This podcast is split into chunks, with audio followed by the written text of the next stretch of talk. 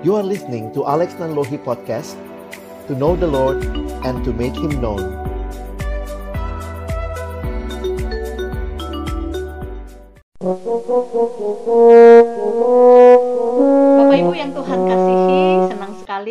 bisa bertemu kembali di dalam channel Anak dan Remaja bagi Kristus ini.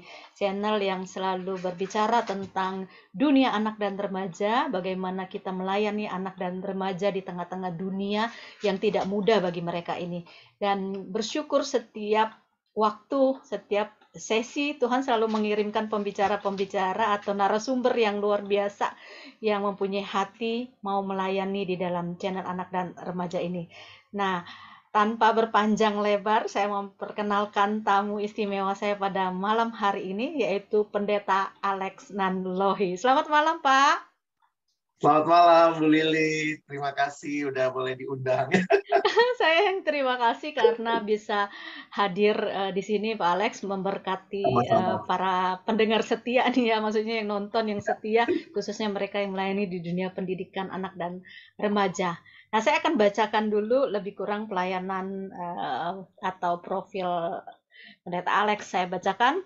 Ini nama lengkapnya saya juga baru tahu ternyata karena biasanya terkenalnya dengan uh, Pendeta Alex Nanlohi atau dipanggil Pak Alex, bahkan ada yang panggil Bang Alex ya. ya. karena ini dunianya dunia uh, mahasiswa, siswa dan anak muda iya. juga. Ya. Ini uh, spesialis anak muda juga. Pendeta Alexander Agus Elias Nanlohi, Esos MA. Nah, uh, pasti lumayan panjang ya Bapak Ibu ya.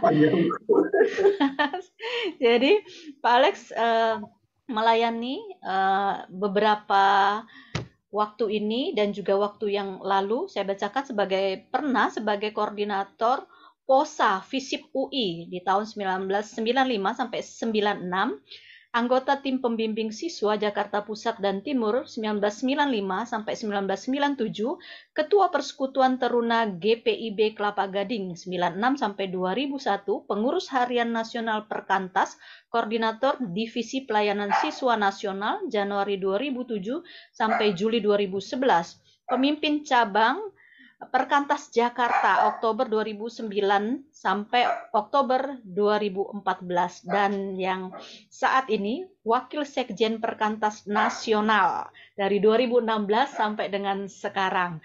Ini uh, luar biasa ya pelayanannya selalu berhubungan dengan siswa nanti uh, Pak Alex juga bisa cerita bagaimana pelayanan ya. dan apa itu perkantas ya karena okay. uh, eh, ini sebenarnya familiar di dunia pendidikan perkantas karena dari uh, saya studi juga uh, banyak teman-teman yang dari perkantas juga melayani di sekolah-sekolah nanti Alex cerita sedikit kira-kira Uh, apa sih Pak perkantas itu gitu ya nanti apa nanti uh, hubungannya dengan tema kita pada malam hari ini bicara tentang hmm. dunia remaja yaitu support group yang kita lakukan kepada anak-anak remaja kita. Silakan Pak. Ya. Baik, sekali lagi saya bersyukur ini Bu ya buat kesempatan ini dan juga senang ada channel yang benar-benar concern dengan anak uh, remaja dan saya pikir ini jadi satu bagian yang perlu kita dukung ya untuk Ibu Lili dan usahanya. Ya, saya bersyukur melihat uh, Tuhan memakai banyak anak uh, orang yang mestinya melayani anak dan remaja. Kalau di Perkantas sendiri, kami secara khusus adalah singkatan, Perkantas singkatan dari Persekutuan Kristen Antar Universitas. Jadi ada tiga pelayanan yang juga kami sering lakukan atau kami kerjakan, eh, pelayanan kepada siswa, kepada mahasiswa, dan juga kepada alumni. Nah, apa yang dilakukan yaitu uh, membangun kerohanian siswa, mahasiswa, dan alumni untuk boleh terus bertumbuh jadi murid yang akhirnya juga boleh menjadi berkat baik di dalam keluarga, gereja, masyarakat, bangsa, dan bahkan dunia. Nah, yang kami lakukan mungkin juga berkaitan dengan tema yang kita bahas malam hari ini adalah bagaimana uh, ya kami perkantas memang hadir tidak menggantikan gereja tetapi justru mendukung. Ketika gereja mungkin sulit hadir di kampus sulit hadir di sekolah-sekolah apalagi mungkin sekolah-sekolah yang tidak uh, berbasiskan Kristen maka kami hadir untuk juga menolong para siswa, para mahasiswa, dan juga alumni untuk punya uh, lingkungan yang bisa terus menikmati pertumbuhan di dalam Tuhan. Nah, itu mungkin secara singkat yang bisa saya sampaikan. Iya Pak, terima kasih itu uh, Bapak Ibu dan rekan-rekan sekalian bisa kenal tentang perkantas dan rasanya uh, hampir eh, rata-rata uh, kita kenal ya perkantas melayani siswa dan mahasiswa dan uh, saya selalu teringat begini. Nanti Pak Alex jelaskan kenapa ya kalau uh, yang misalnya di lembaga pendidikan yang masuk lembaga pendidikan atau gereja ya. atau yang melayani terus dikatakan dari mana dari perkantas wah pasti militan pasti uh, mereka ini ya maksudnya secara kerohanian dan juga secara uh, disiplin rohani karakter itu mereka bisa iya. dikatakan diterima nah ini kan kita bicara tentang support system kepada anak-anak uh, ya. remaja siswa ya pak ya siswa dan mahasiswa ya. juga bagaimana Pak? Kok mereka bisa sampai semilitan hmm. itu bahkan sampai sekarang ada senior seniornya itu yang sudah di beberapa tempat yang juga menjabat di tempat-tempat yang luar biasa. Kalau dari perkantas ah militan pasti gitu ya. Itu kok bisa ya pak ya?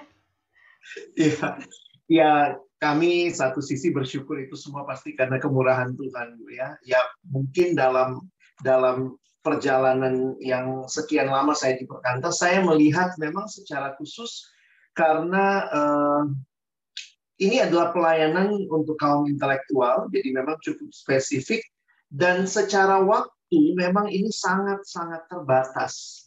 Jadi kalau saya coba berpikir kenapa ya, apa yang membedakan mungkin perkantas dengan uh, lembaga ataupun gereja yang membina orang, karena waktu yang terbatas itu membuat kami juga cukup fokus kepada apa yang diberikan. Jadi kalau tadi Bu Lili uh, sampaikan begitu ya, yang kami memang fokuskan itu adalah untuk orang-orang dibangun dalam spiritual formation, kehidupan rohani yang kuat, dan juga dasar dengan Alkitab, firman Tuhan, doa itu menjadi sebuah kehidupan yang dibangun uh, lebih khusus. Nah, yang yang saya coba perhatikan uh, kalau kenapa ya saya nggak bukan membandingkan dengan yang lain bu ya. Pasti setiap pelayanan punya keunikan. Tapi yang saya lihat bagaimana waktu yang terbatas dan support system yang cukup uh, apalah ya mungkin cukup cukup melembaga lah ya dalam budaya yang dibangun itu membuat orang itu akan akan bisa dengan dengan baik ya dibangun dan dibentuk Nah, ini yang memang saya harus katakan juga sering kali di bagian yang lain karena pelayanannya tidak tidak hanya fokus kepada hal itu, jadi dia pelayanannya banyak gitu ya, sehingga jadinya juga susah. Yang yang mana yang difokuskan itu tidak terlalu kuat. Jadi saya melihat sih itu yang kami nikmati dari anugerah Tuhan dan juga tentunya uh, para pendahulu yang memang settingnya perkantas. Paling di kampus itu 3 sampai lima tahun tiga empat tahun lah. Di SMA paling kami melayani banyak SMA paling cuma tiga tahun. Jadi memang akhirnya fokus nih. Kalau disuruh milih antara perkantas membuat latihan paduan suara misalnya, enggak enggak kami milihnya mendingan kelompok kecil dan PA itu kekuatannya.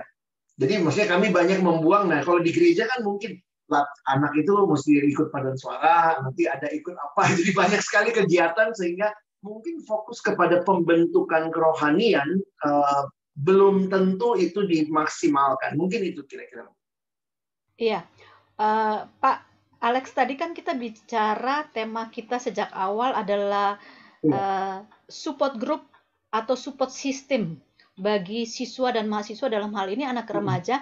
Nah, apakah para pembimbing ini kan yang uh, sebelum mereka membimbing kelompok-kelompok uh, itu Nah, bagaimana pelatihan atau maksudnya uh, pembinaan iya. terhadap para pembimbing sebelum mereka masuk ke sekolah-sekolah karena saya lihat itu ada yang dulu memang pernah dibimbing di siswa dan mahasiswanya terus mereka membimbing kembali uh, siswa dan mahasiswanya dengan rela seperti itu nah bagaimana proses akhirnya mereka tuh kok jadi jadi lebih kuat gitu untuk dapat uh, iya. memuridkan karena pastinya mereka udah dimuridkan dulu seperti itu.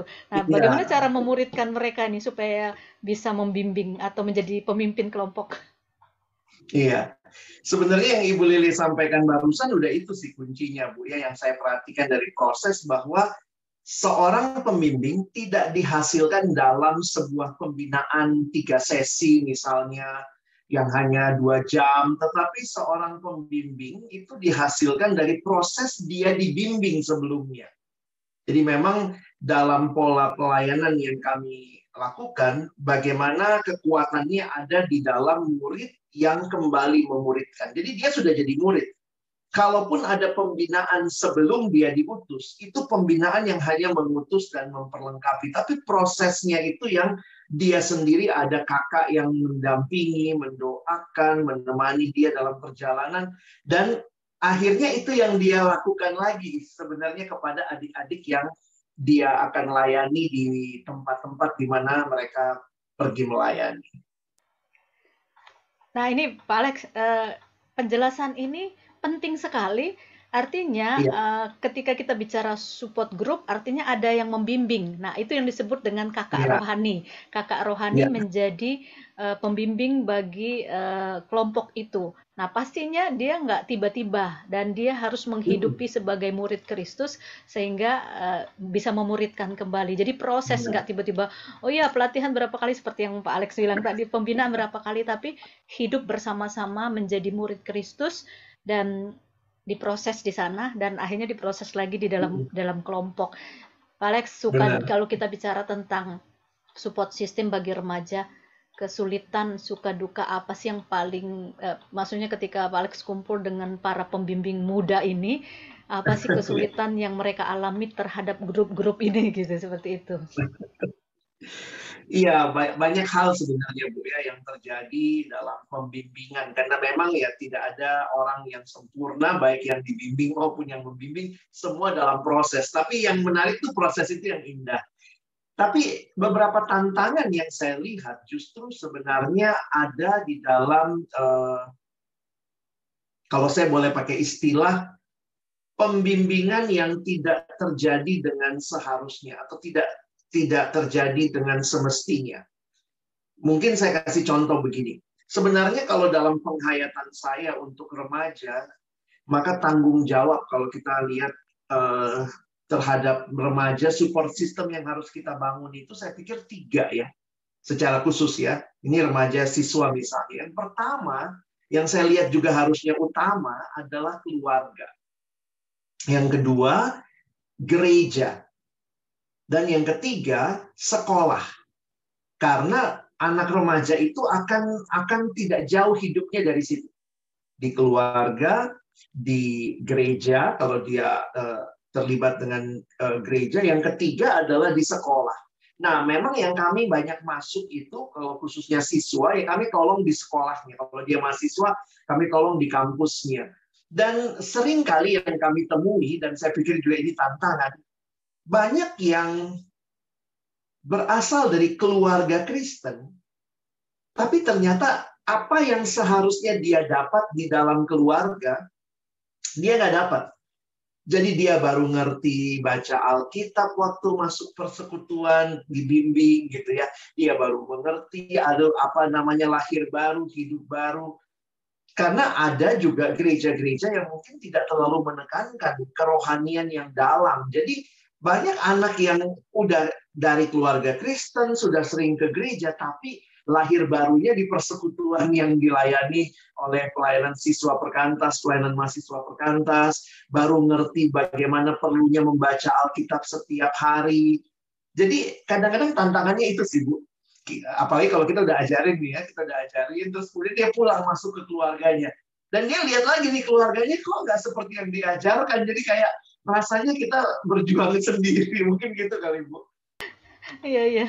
Uh, itu tantangan ya pak ya. Uh, maksudnya saya ini kan juga lahir dari uh, kelompok kecil ya pak ya. Maksudnya iya, dulu iya, saya iya. juga dibesarkan uh, karena ikut kelompok kecil dan uh, support grup kelompok kecil itu sangat menolong hmm. sekali untuk bukan cuma belajar firman Tuhan ada tempat untuk untuk sharing. Nah ini juga saya beberapa hmm. kali memimpin dan sampai saat ini juga sedang tetap uh, melaksanakan kelompok kecil ini tapi dengan anak-anak yang tahun-tahun dulu sama anak-anak iya. yang remaja yang sekarang ini sangat sekarang. berbeda sekali. Jadi perlu Betul. perjuangan, Pak. Nah, saya pikir itu juga yang dialami oleh para pembimbing kelompok kecil ya. Tetapi saya merasa ada sukacita ya. Kenapa? Karena iya, anak-anak ya. ini kan dikatakan seperti ini. Saya uh, bacakan sebuah uh, ini kutipan ini saya dapat ini menurut saya ini bagus ini dari sebuah pelayanan ya. kelompok kecil ya, Pak ya. Dikatakan ya.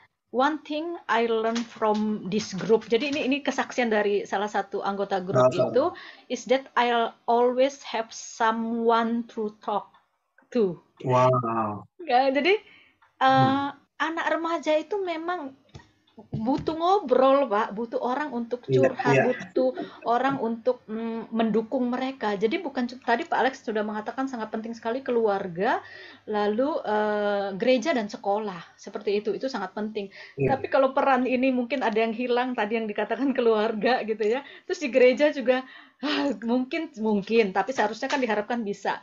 Terus uh, yeah, di yeah. sekolah uh, dapat nggak? Nah ini peran perkantas di, di sekolah kayak kita di dunia pendidikan ketika bicara itu Pak bicara tentang anak remaja ini kan masa-masa mereka nih rentan banget karena uh, ada perubahan uh, kehidupan secara fisik, sosial dan emosi. Jadi mereka butuh yeah. support system. Jadi kadang kadang-kadang yang yang berbahaya ini saya mau mau nanya ke Pak Alex.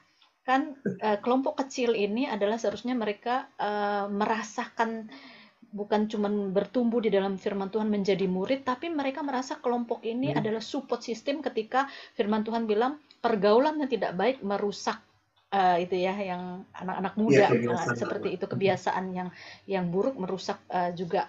Nah, kalau seandainya ketemu di sana di luar sana teman-teman grupnya yang merusak, wah itu bahaya. Hmm. tapi kalau hmm. kelompok ini seharusnya kelompok yang disebut dengan support system secara spiritual harusnya bisa mendorong mereka uh, seperti itu ya Pak. Hmm.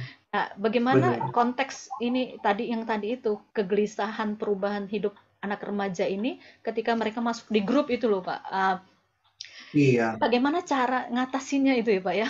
Saya saya makin sadar sih ya. Pertama juga begini ya, uh, ya ini peperangan rohani jadi memang ini bukan doa itu bukan basa-basi kita melayani ya. remaja. Saya tetap melihat ini peperangan rohani.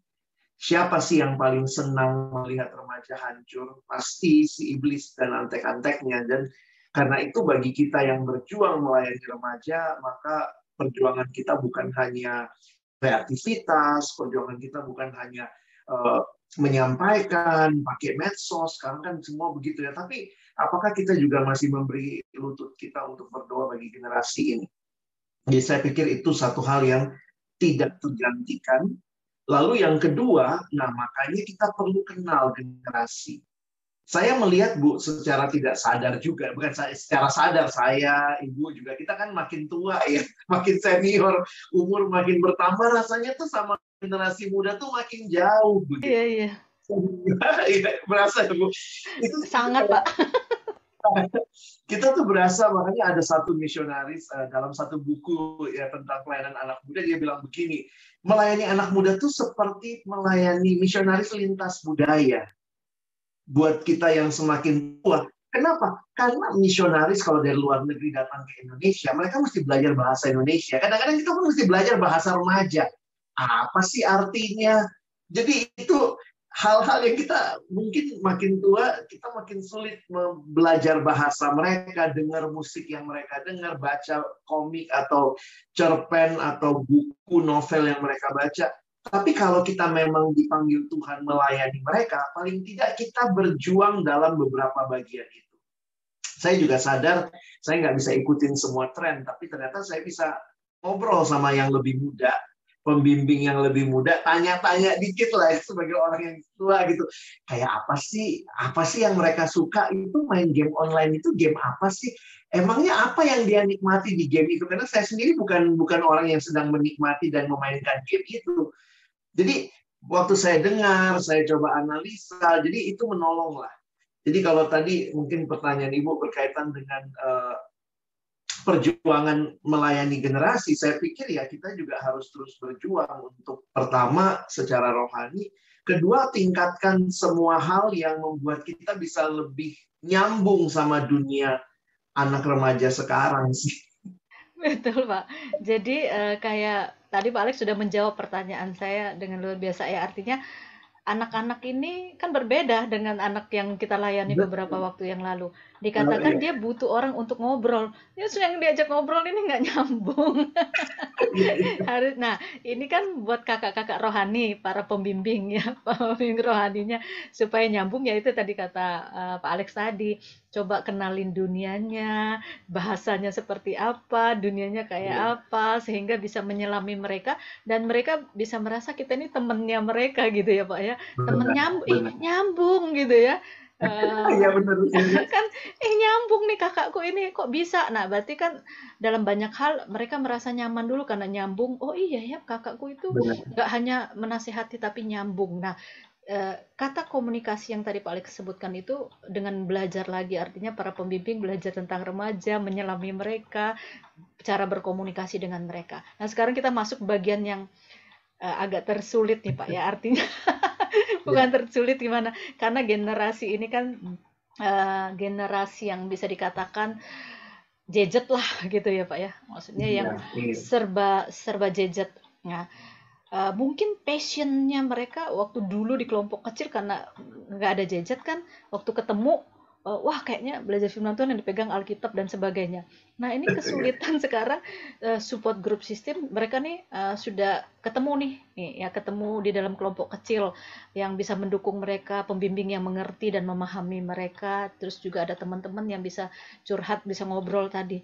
Tapi uh, ini nih apa kayak godaannya ini Pak. godaan untuk sambil sambil ini kan ada, sekarang KTB KTB karena pandemi kan online juga ada karena nggak bisa iya, onsite. Betul. Jadi sambil dia ini dia buka yang lain dan sebagainya ini butuh uh, kesabaran ekstra nih. Pernah ngalamin iya, yang di masa pandemi ini nggak pak KTB yang kayak gitu? Wah ini topik yang menarik Bu ya. Saya juga beberapa kali diundang bicara hal ini dan saya harus katakan kita tuh nggak ada yang expert dalam KTB online apalagi misalnya expert dalam ahli pandemi, ahli pelayanan di masa pandemi, kita semua sedang belajar. Jadi saya pikir bagus sekali kayak channel Ibu Lili ini kita bisa share ya apa yang berhasil, mungkin mungkin Bapak Ibu bisa lakukan gitu ya. Nah, tapi saya melihat di sinilah pentingnya uh, kita juga punya punya perjuangan untuk mengerti apa yang sebenarnya jadi jiwa dari generasi Eh, remaja sekarang. Karena saya pikir setiap generasi itu punya keunikan.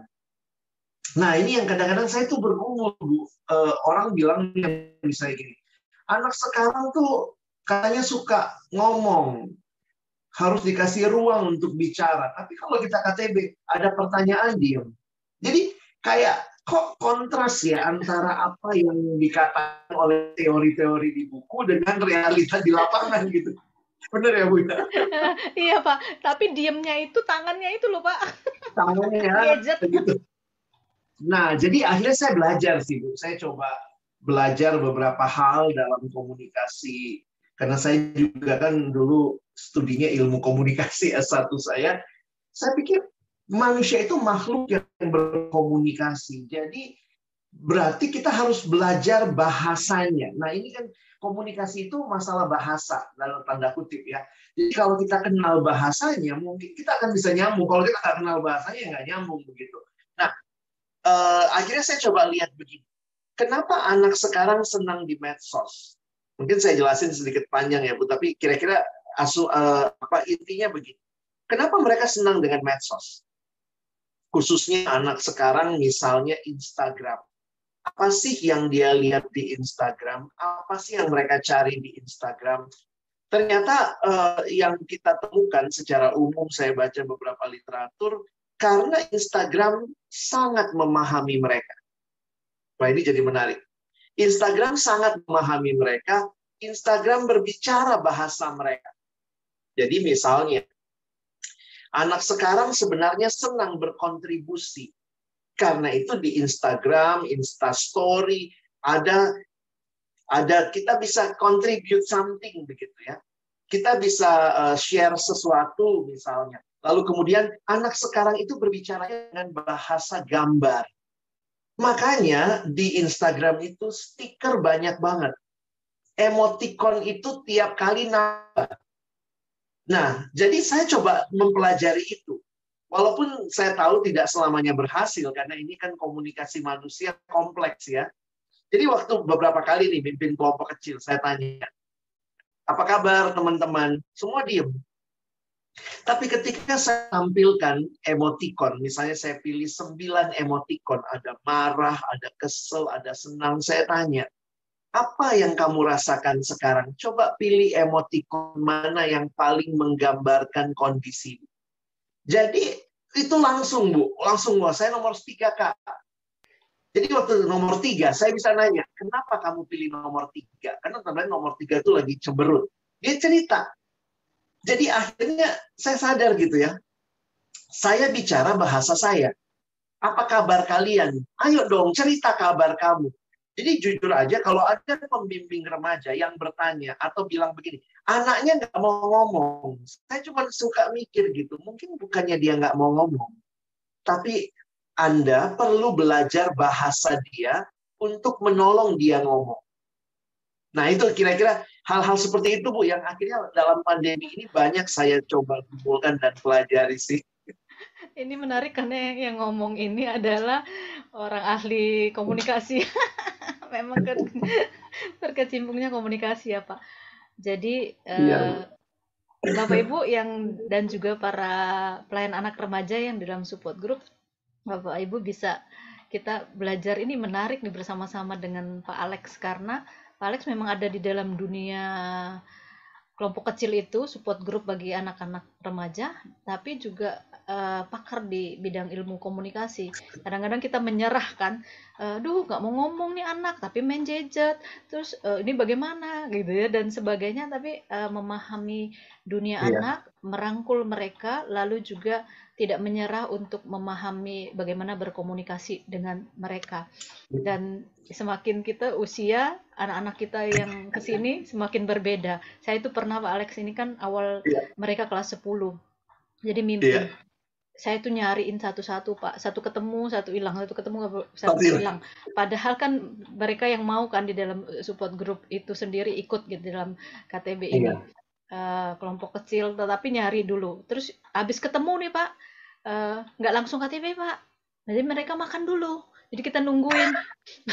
Jadi saya dulu kan uh, maksudnya uh, di dalam dunia pendidikan cukup disiplin gitu ya cukup teratur dan cukup cara cukup stres pak. Jadi yang stres ini bukan bukan anak KTP-nya tapi pembimbingnya. Ya ampun, sudah dicarinya susah Terus ini kita nungguin makan karena saya pernah pelayanan uh, beberapa kali jadi pembina remaja.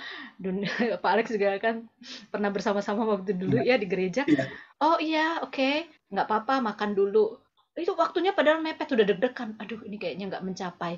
Kadang-kadang kita nggak akhirnya Pak uh, mengalah untuk iya. bukan mencapai materi, tapi bagaimana yes. uh, share life dengan mereka, hidup dengan mereka. Prosesnya. Tunggu, iya proses. Ya udah Pak, ditungguin makan, terus akhirnya nanya, topiknya nih apa ya? Kan belum masuk ke topik nanti kayak garing. Ya makannya apa? Lagi enak ya? Oh iya siapa yang masak? Mama. Nah masuk pak.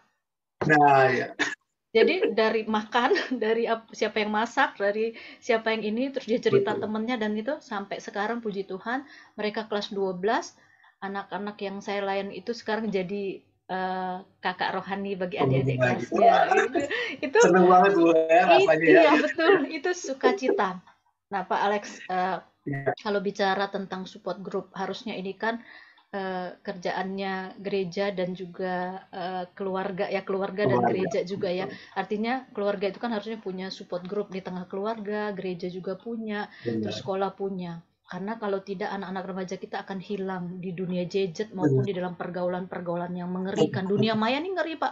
Beberapa anak-anak muda nggak uh, dilatih, nggak diajar uh, karena nggak dibimbing mereka kenalan terus terjadilah sesuatu entah itu sorry iya. sampai pembunuhan, pelecehan dan sebagainya hilang dan sebagainya.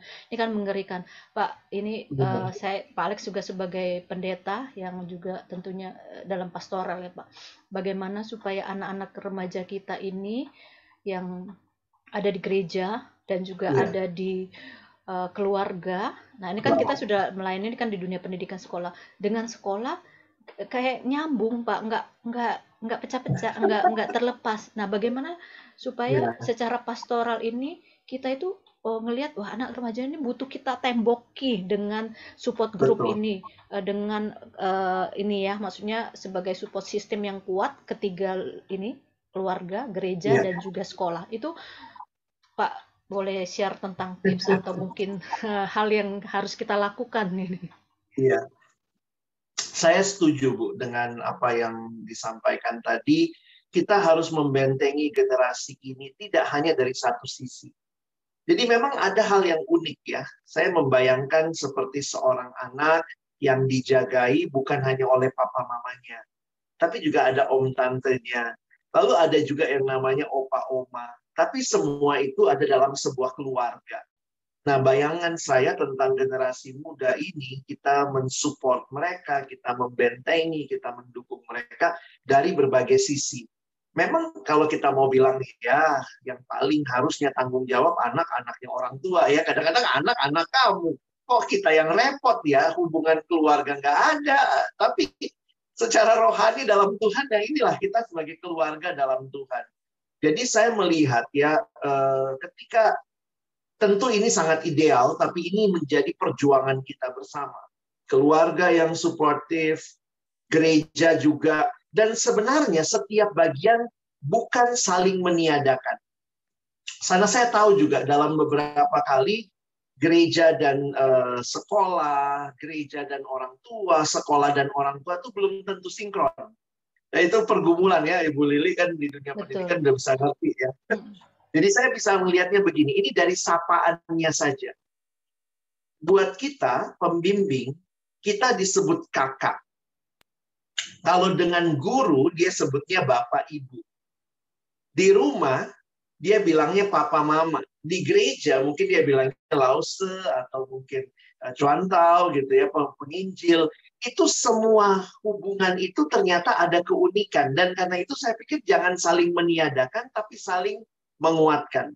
Beberapa anak remaja nggak mau cerita masalahnya sama orang tua, tapi cerita sama kita, kakak, karena dia nganggapnya kakak. Betul. Atau dia nggak cerita sama orang tua, tapi ceritanya sama guru, karena dia lebih percaya sama gurunya. Tapi ada hal tertentu dia nggak cerita ke gurunya, dia cerita ke orang tua begitu.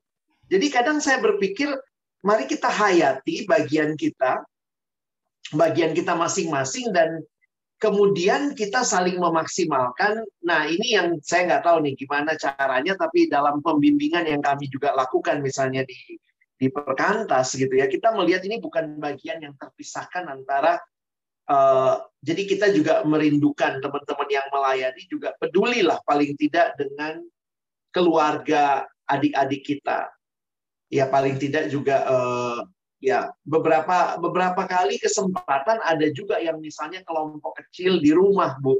Itu kan untuk membuat keluarga juga ngelihat oh ini toh kelompok yang support anak saya. Tapi ya tentu tidak semua keluarga sih seideal itu. Beberapa kan kita lakukannya di sekolah tapi saya pikir kita harus bergerak lebih.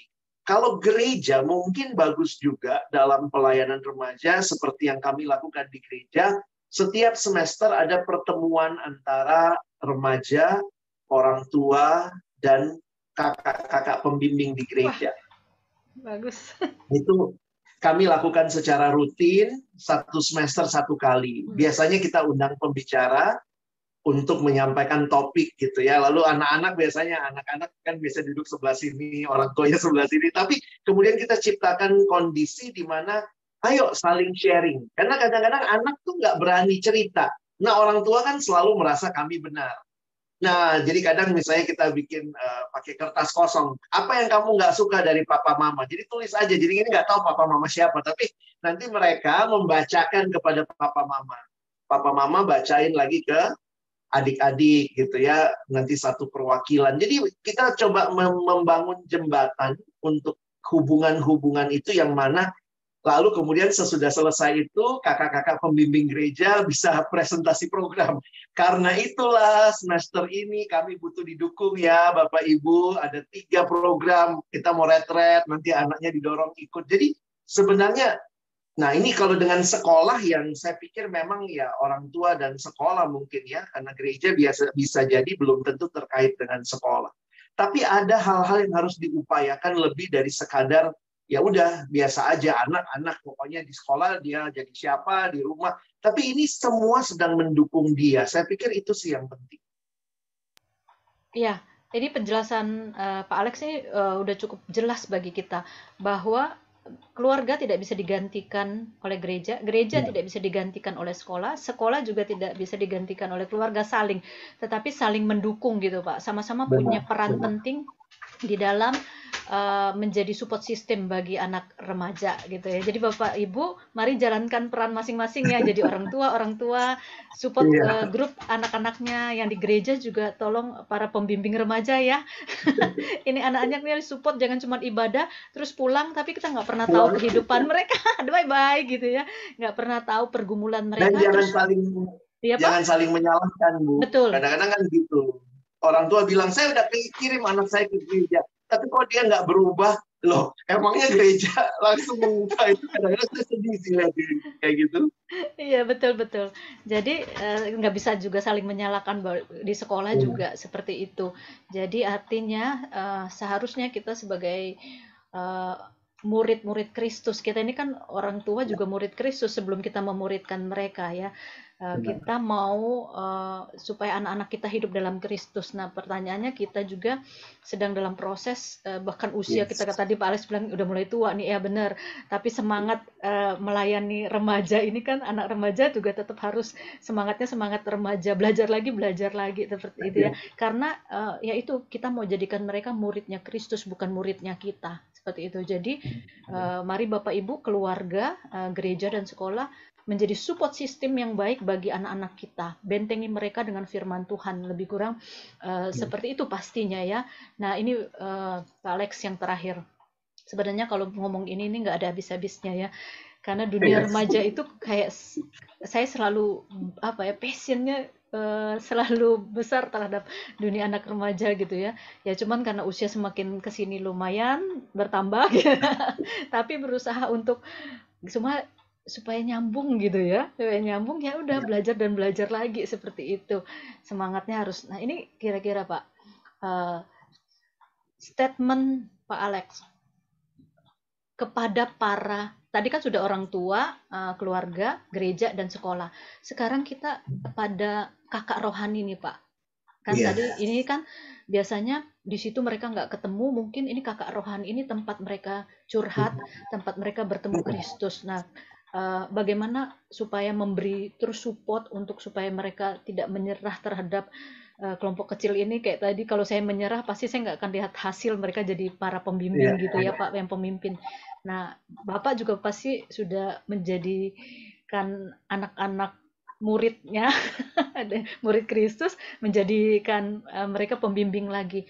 Terus gimana Pak supaya mereka tidak menyerah untuk dapat tetap membimbing anak-anak hmm. itu yang pertama yang uh, statement terakhir lalu statement yang berikutnya bagaimana kita uh, merangkul menarik anak-anak kita dari dunia luar sana yang begitu hmm. mengerikan itu baik dalam uh, dunia maya ataupun pergaulan mereka kok jadi mau tuh uh, masuk ke dalam support sistem ini di mana mereka merasa nyaman bisa curhat, bisa menemukan diri mereka, diterima.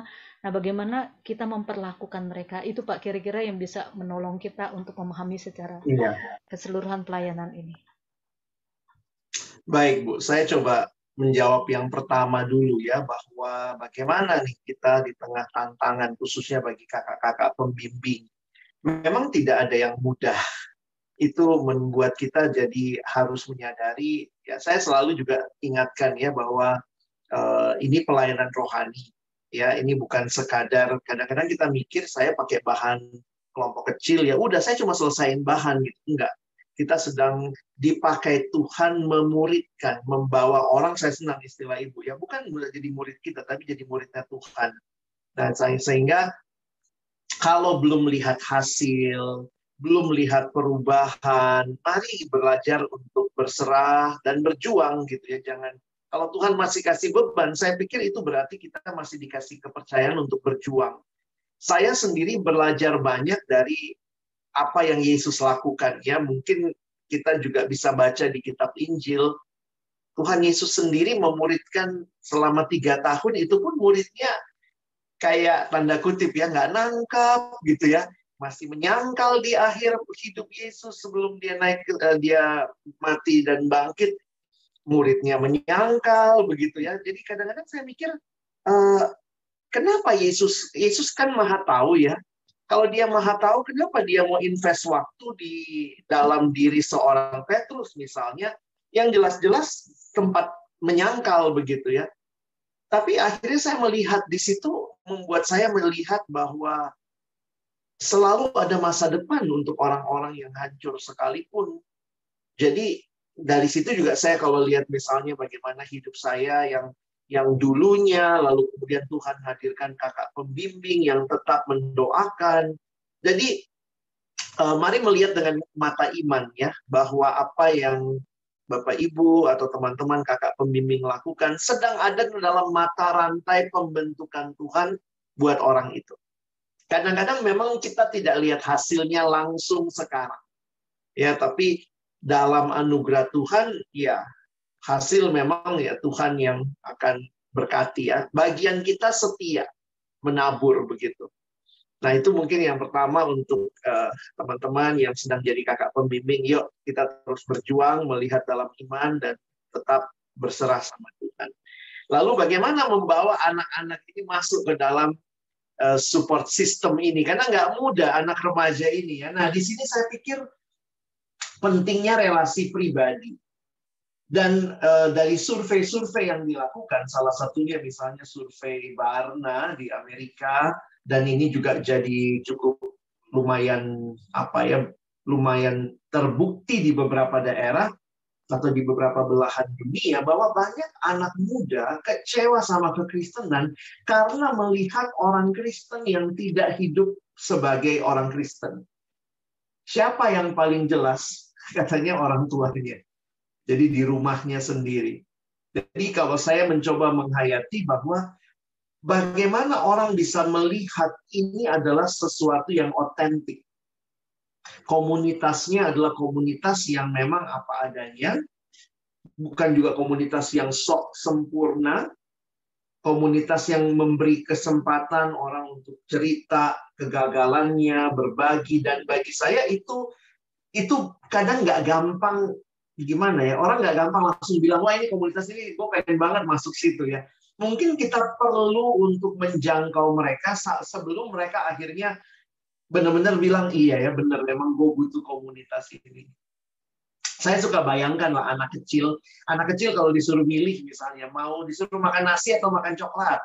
Ya pengennya sih coklat ya kalau anak-anak yang normal gitu normal dia ya malas makan nasi gitu. Tapi kan kita yang dewasa tahu dia butuhnya nasi.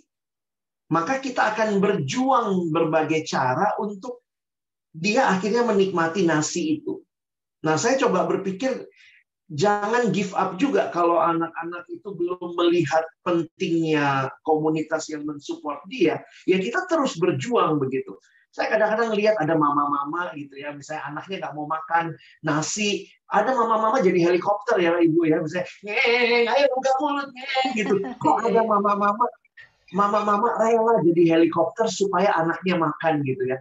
Saya membayangkan ada pembimbing-pembimbing kakak-kakak rohani bagi adik-adik remaja yang mau berjuang gitu ya. Perjuangannya apa? Mungkin kita jemput kalau pas itu offline ya.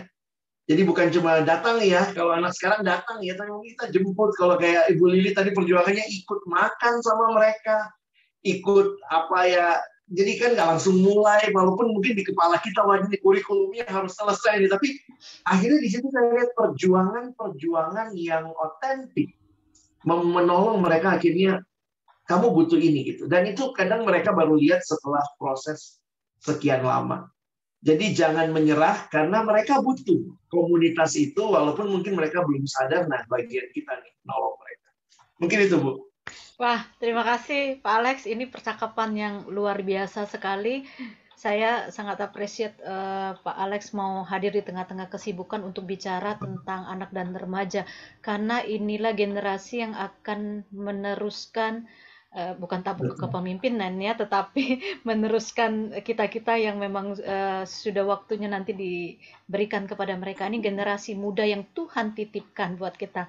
Terima kasih Pak Alex, Tuhan memberkati pelayanannya di perkantas, perkantas dipakai Tuhan untuk menjangkau siswa dan mahasiswa lebih luas dan lebih luar biasa lagi dan yang pastinya uh, membawa anak-anak menjadi muridnya Kristus dan hidup hmm. bersama-sama dengan Kristus seperti itu.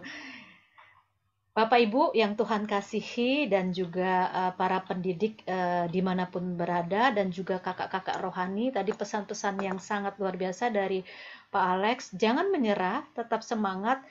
Segala sesuatu butuh hmm, istilahnya bayar harga mungkin ya dalam pelayanan yang kita lakukan. Tapi kita tidak melakukan sendiri karena ada uh, support system juga bagi para kakak pembimbing yang juga ada di mana pun ya termasuk yang uh, di perkantas maupun lembaga-lembaga lainnya yang sedang berjuang untuk merebut anak-anak dari dunia ini membawa mereka kepada Kristus menjadikan mereka hmm. muridnya Kristus dan itu sukacita tidak terbayar oleh apa pun juga karena kita membawa anak-anak remaja kita hidup di dalam kebenaran firman Tuhan, hidup di dalam Kristus, menjadikan mereka murid Kristus.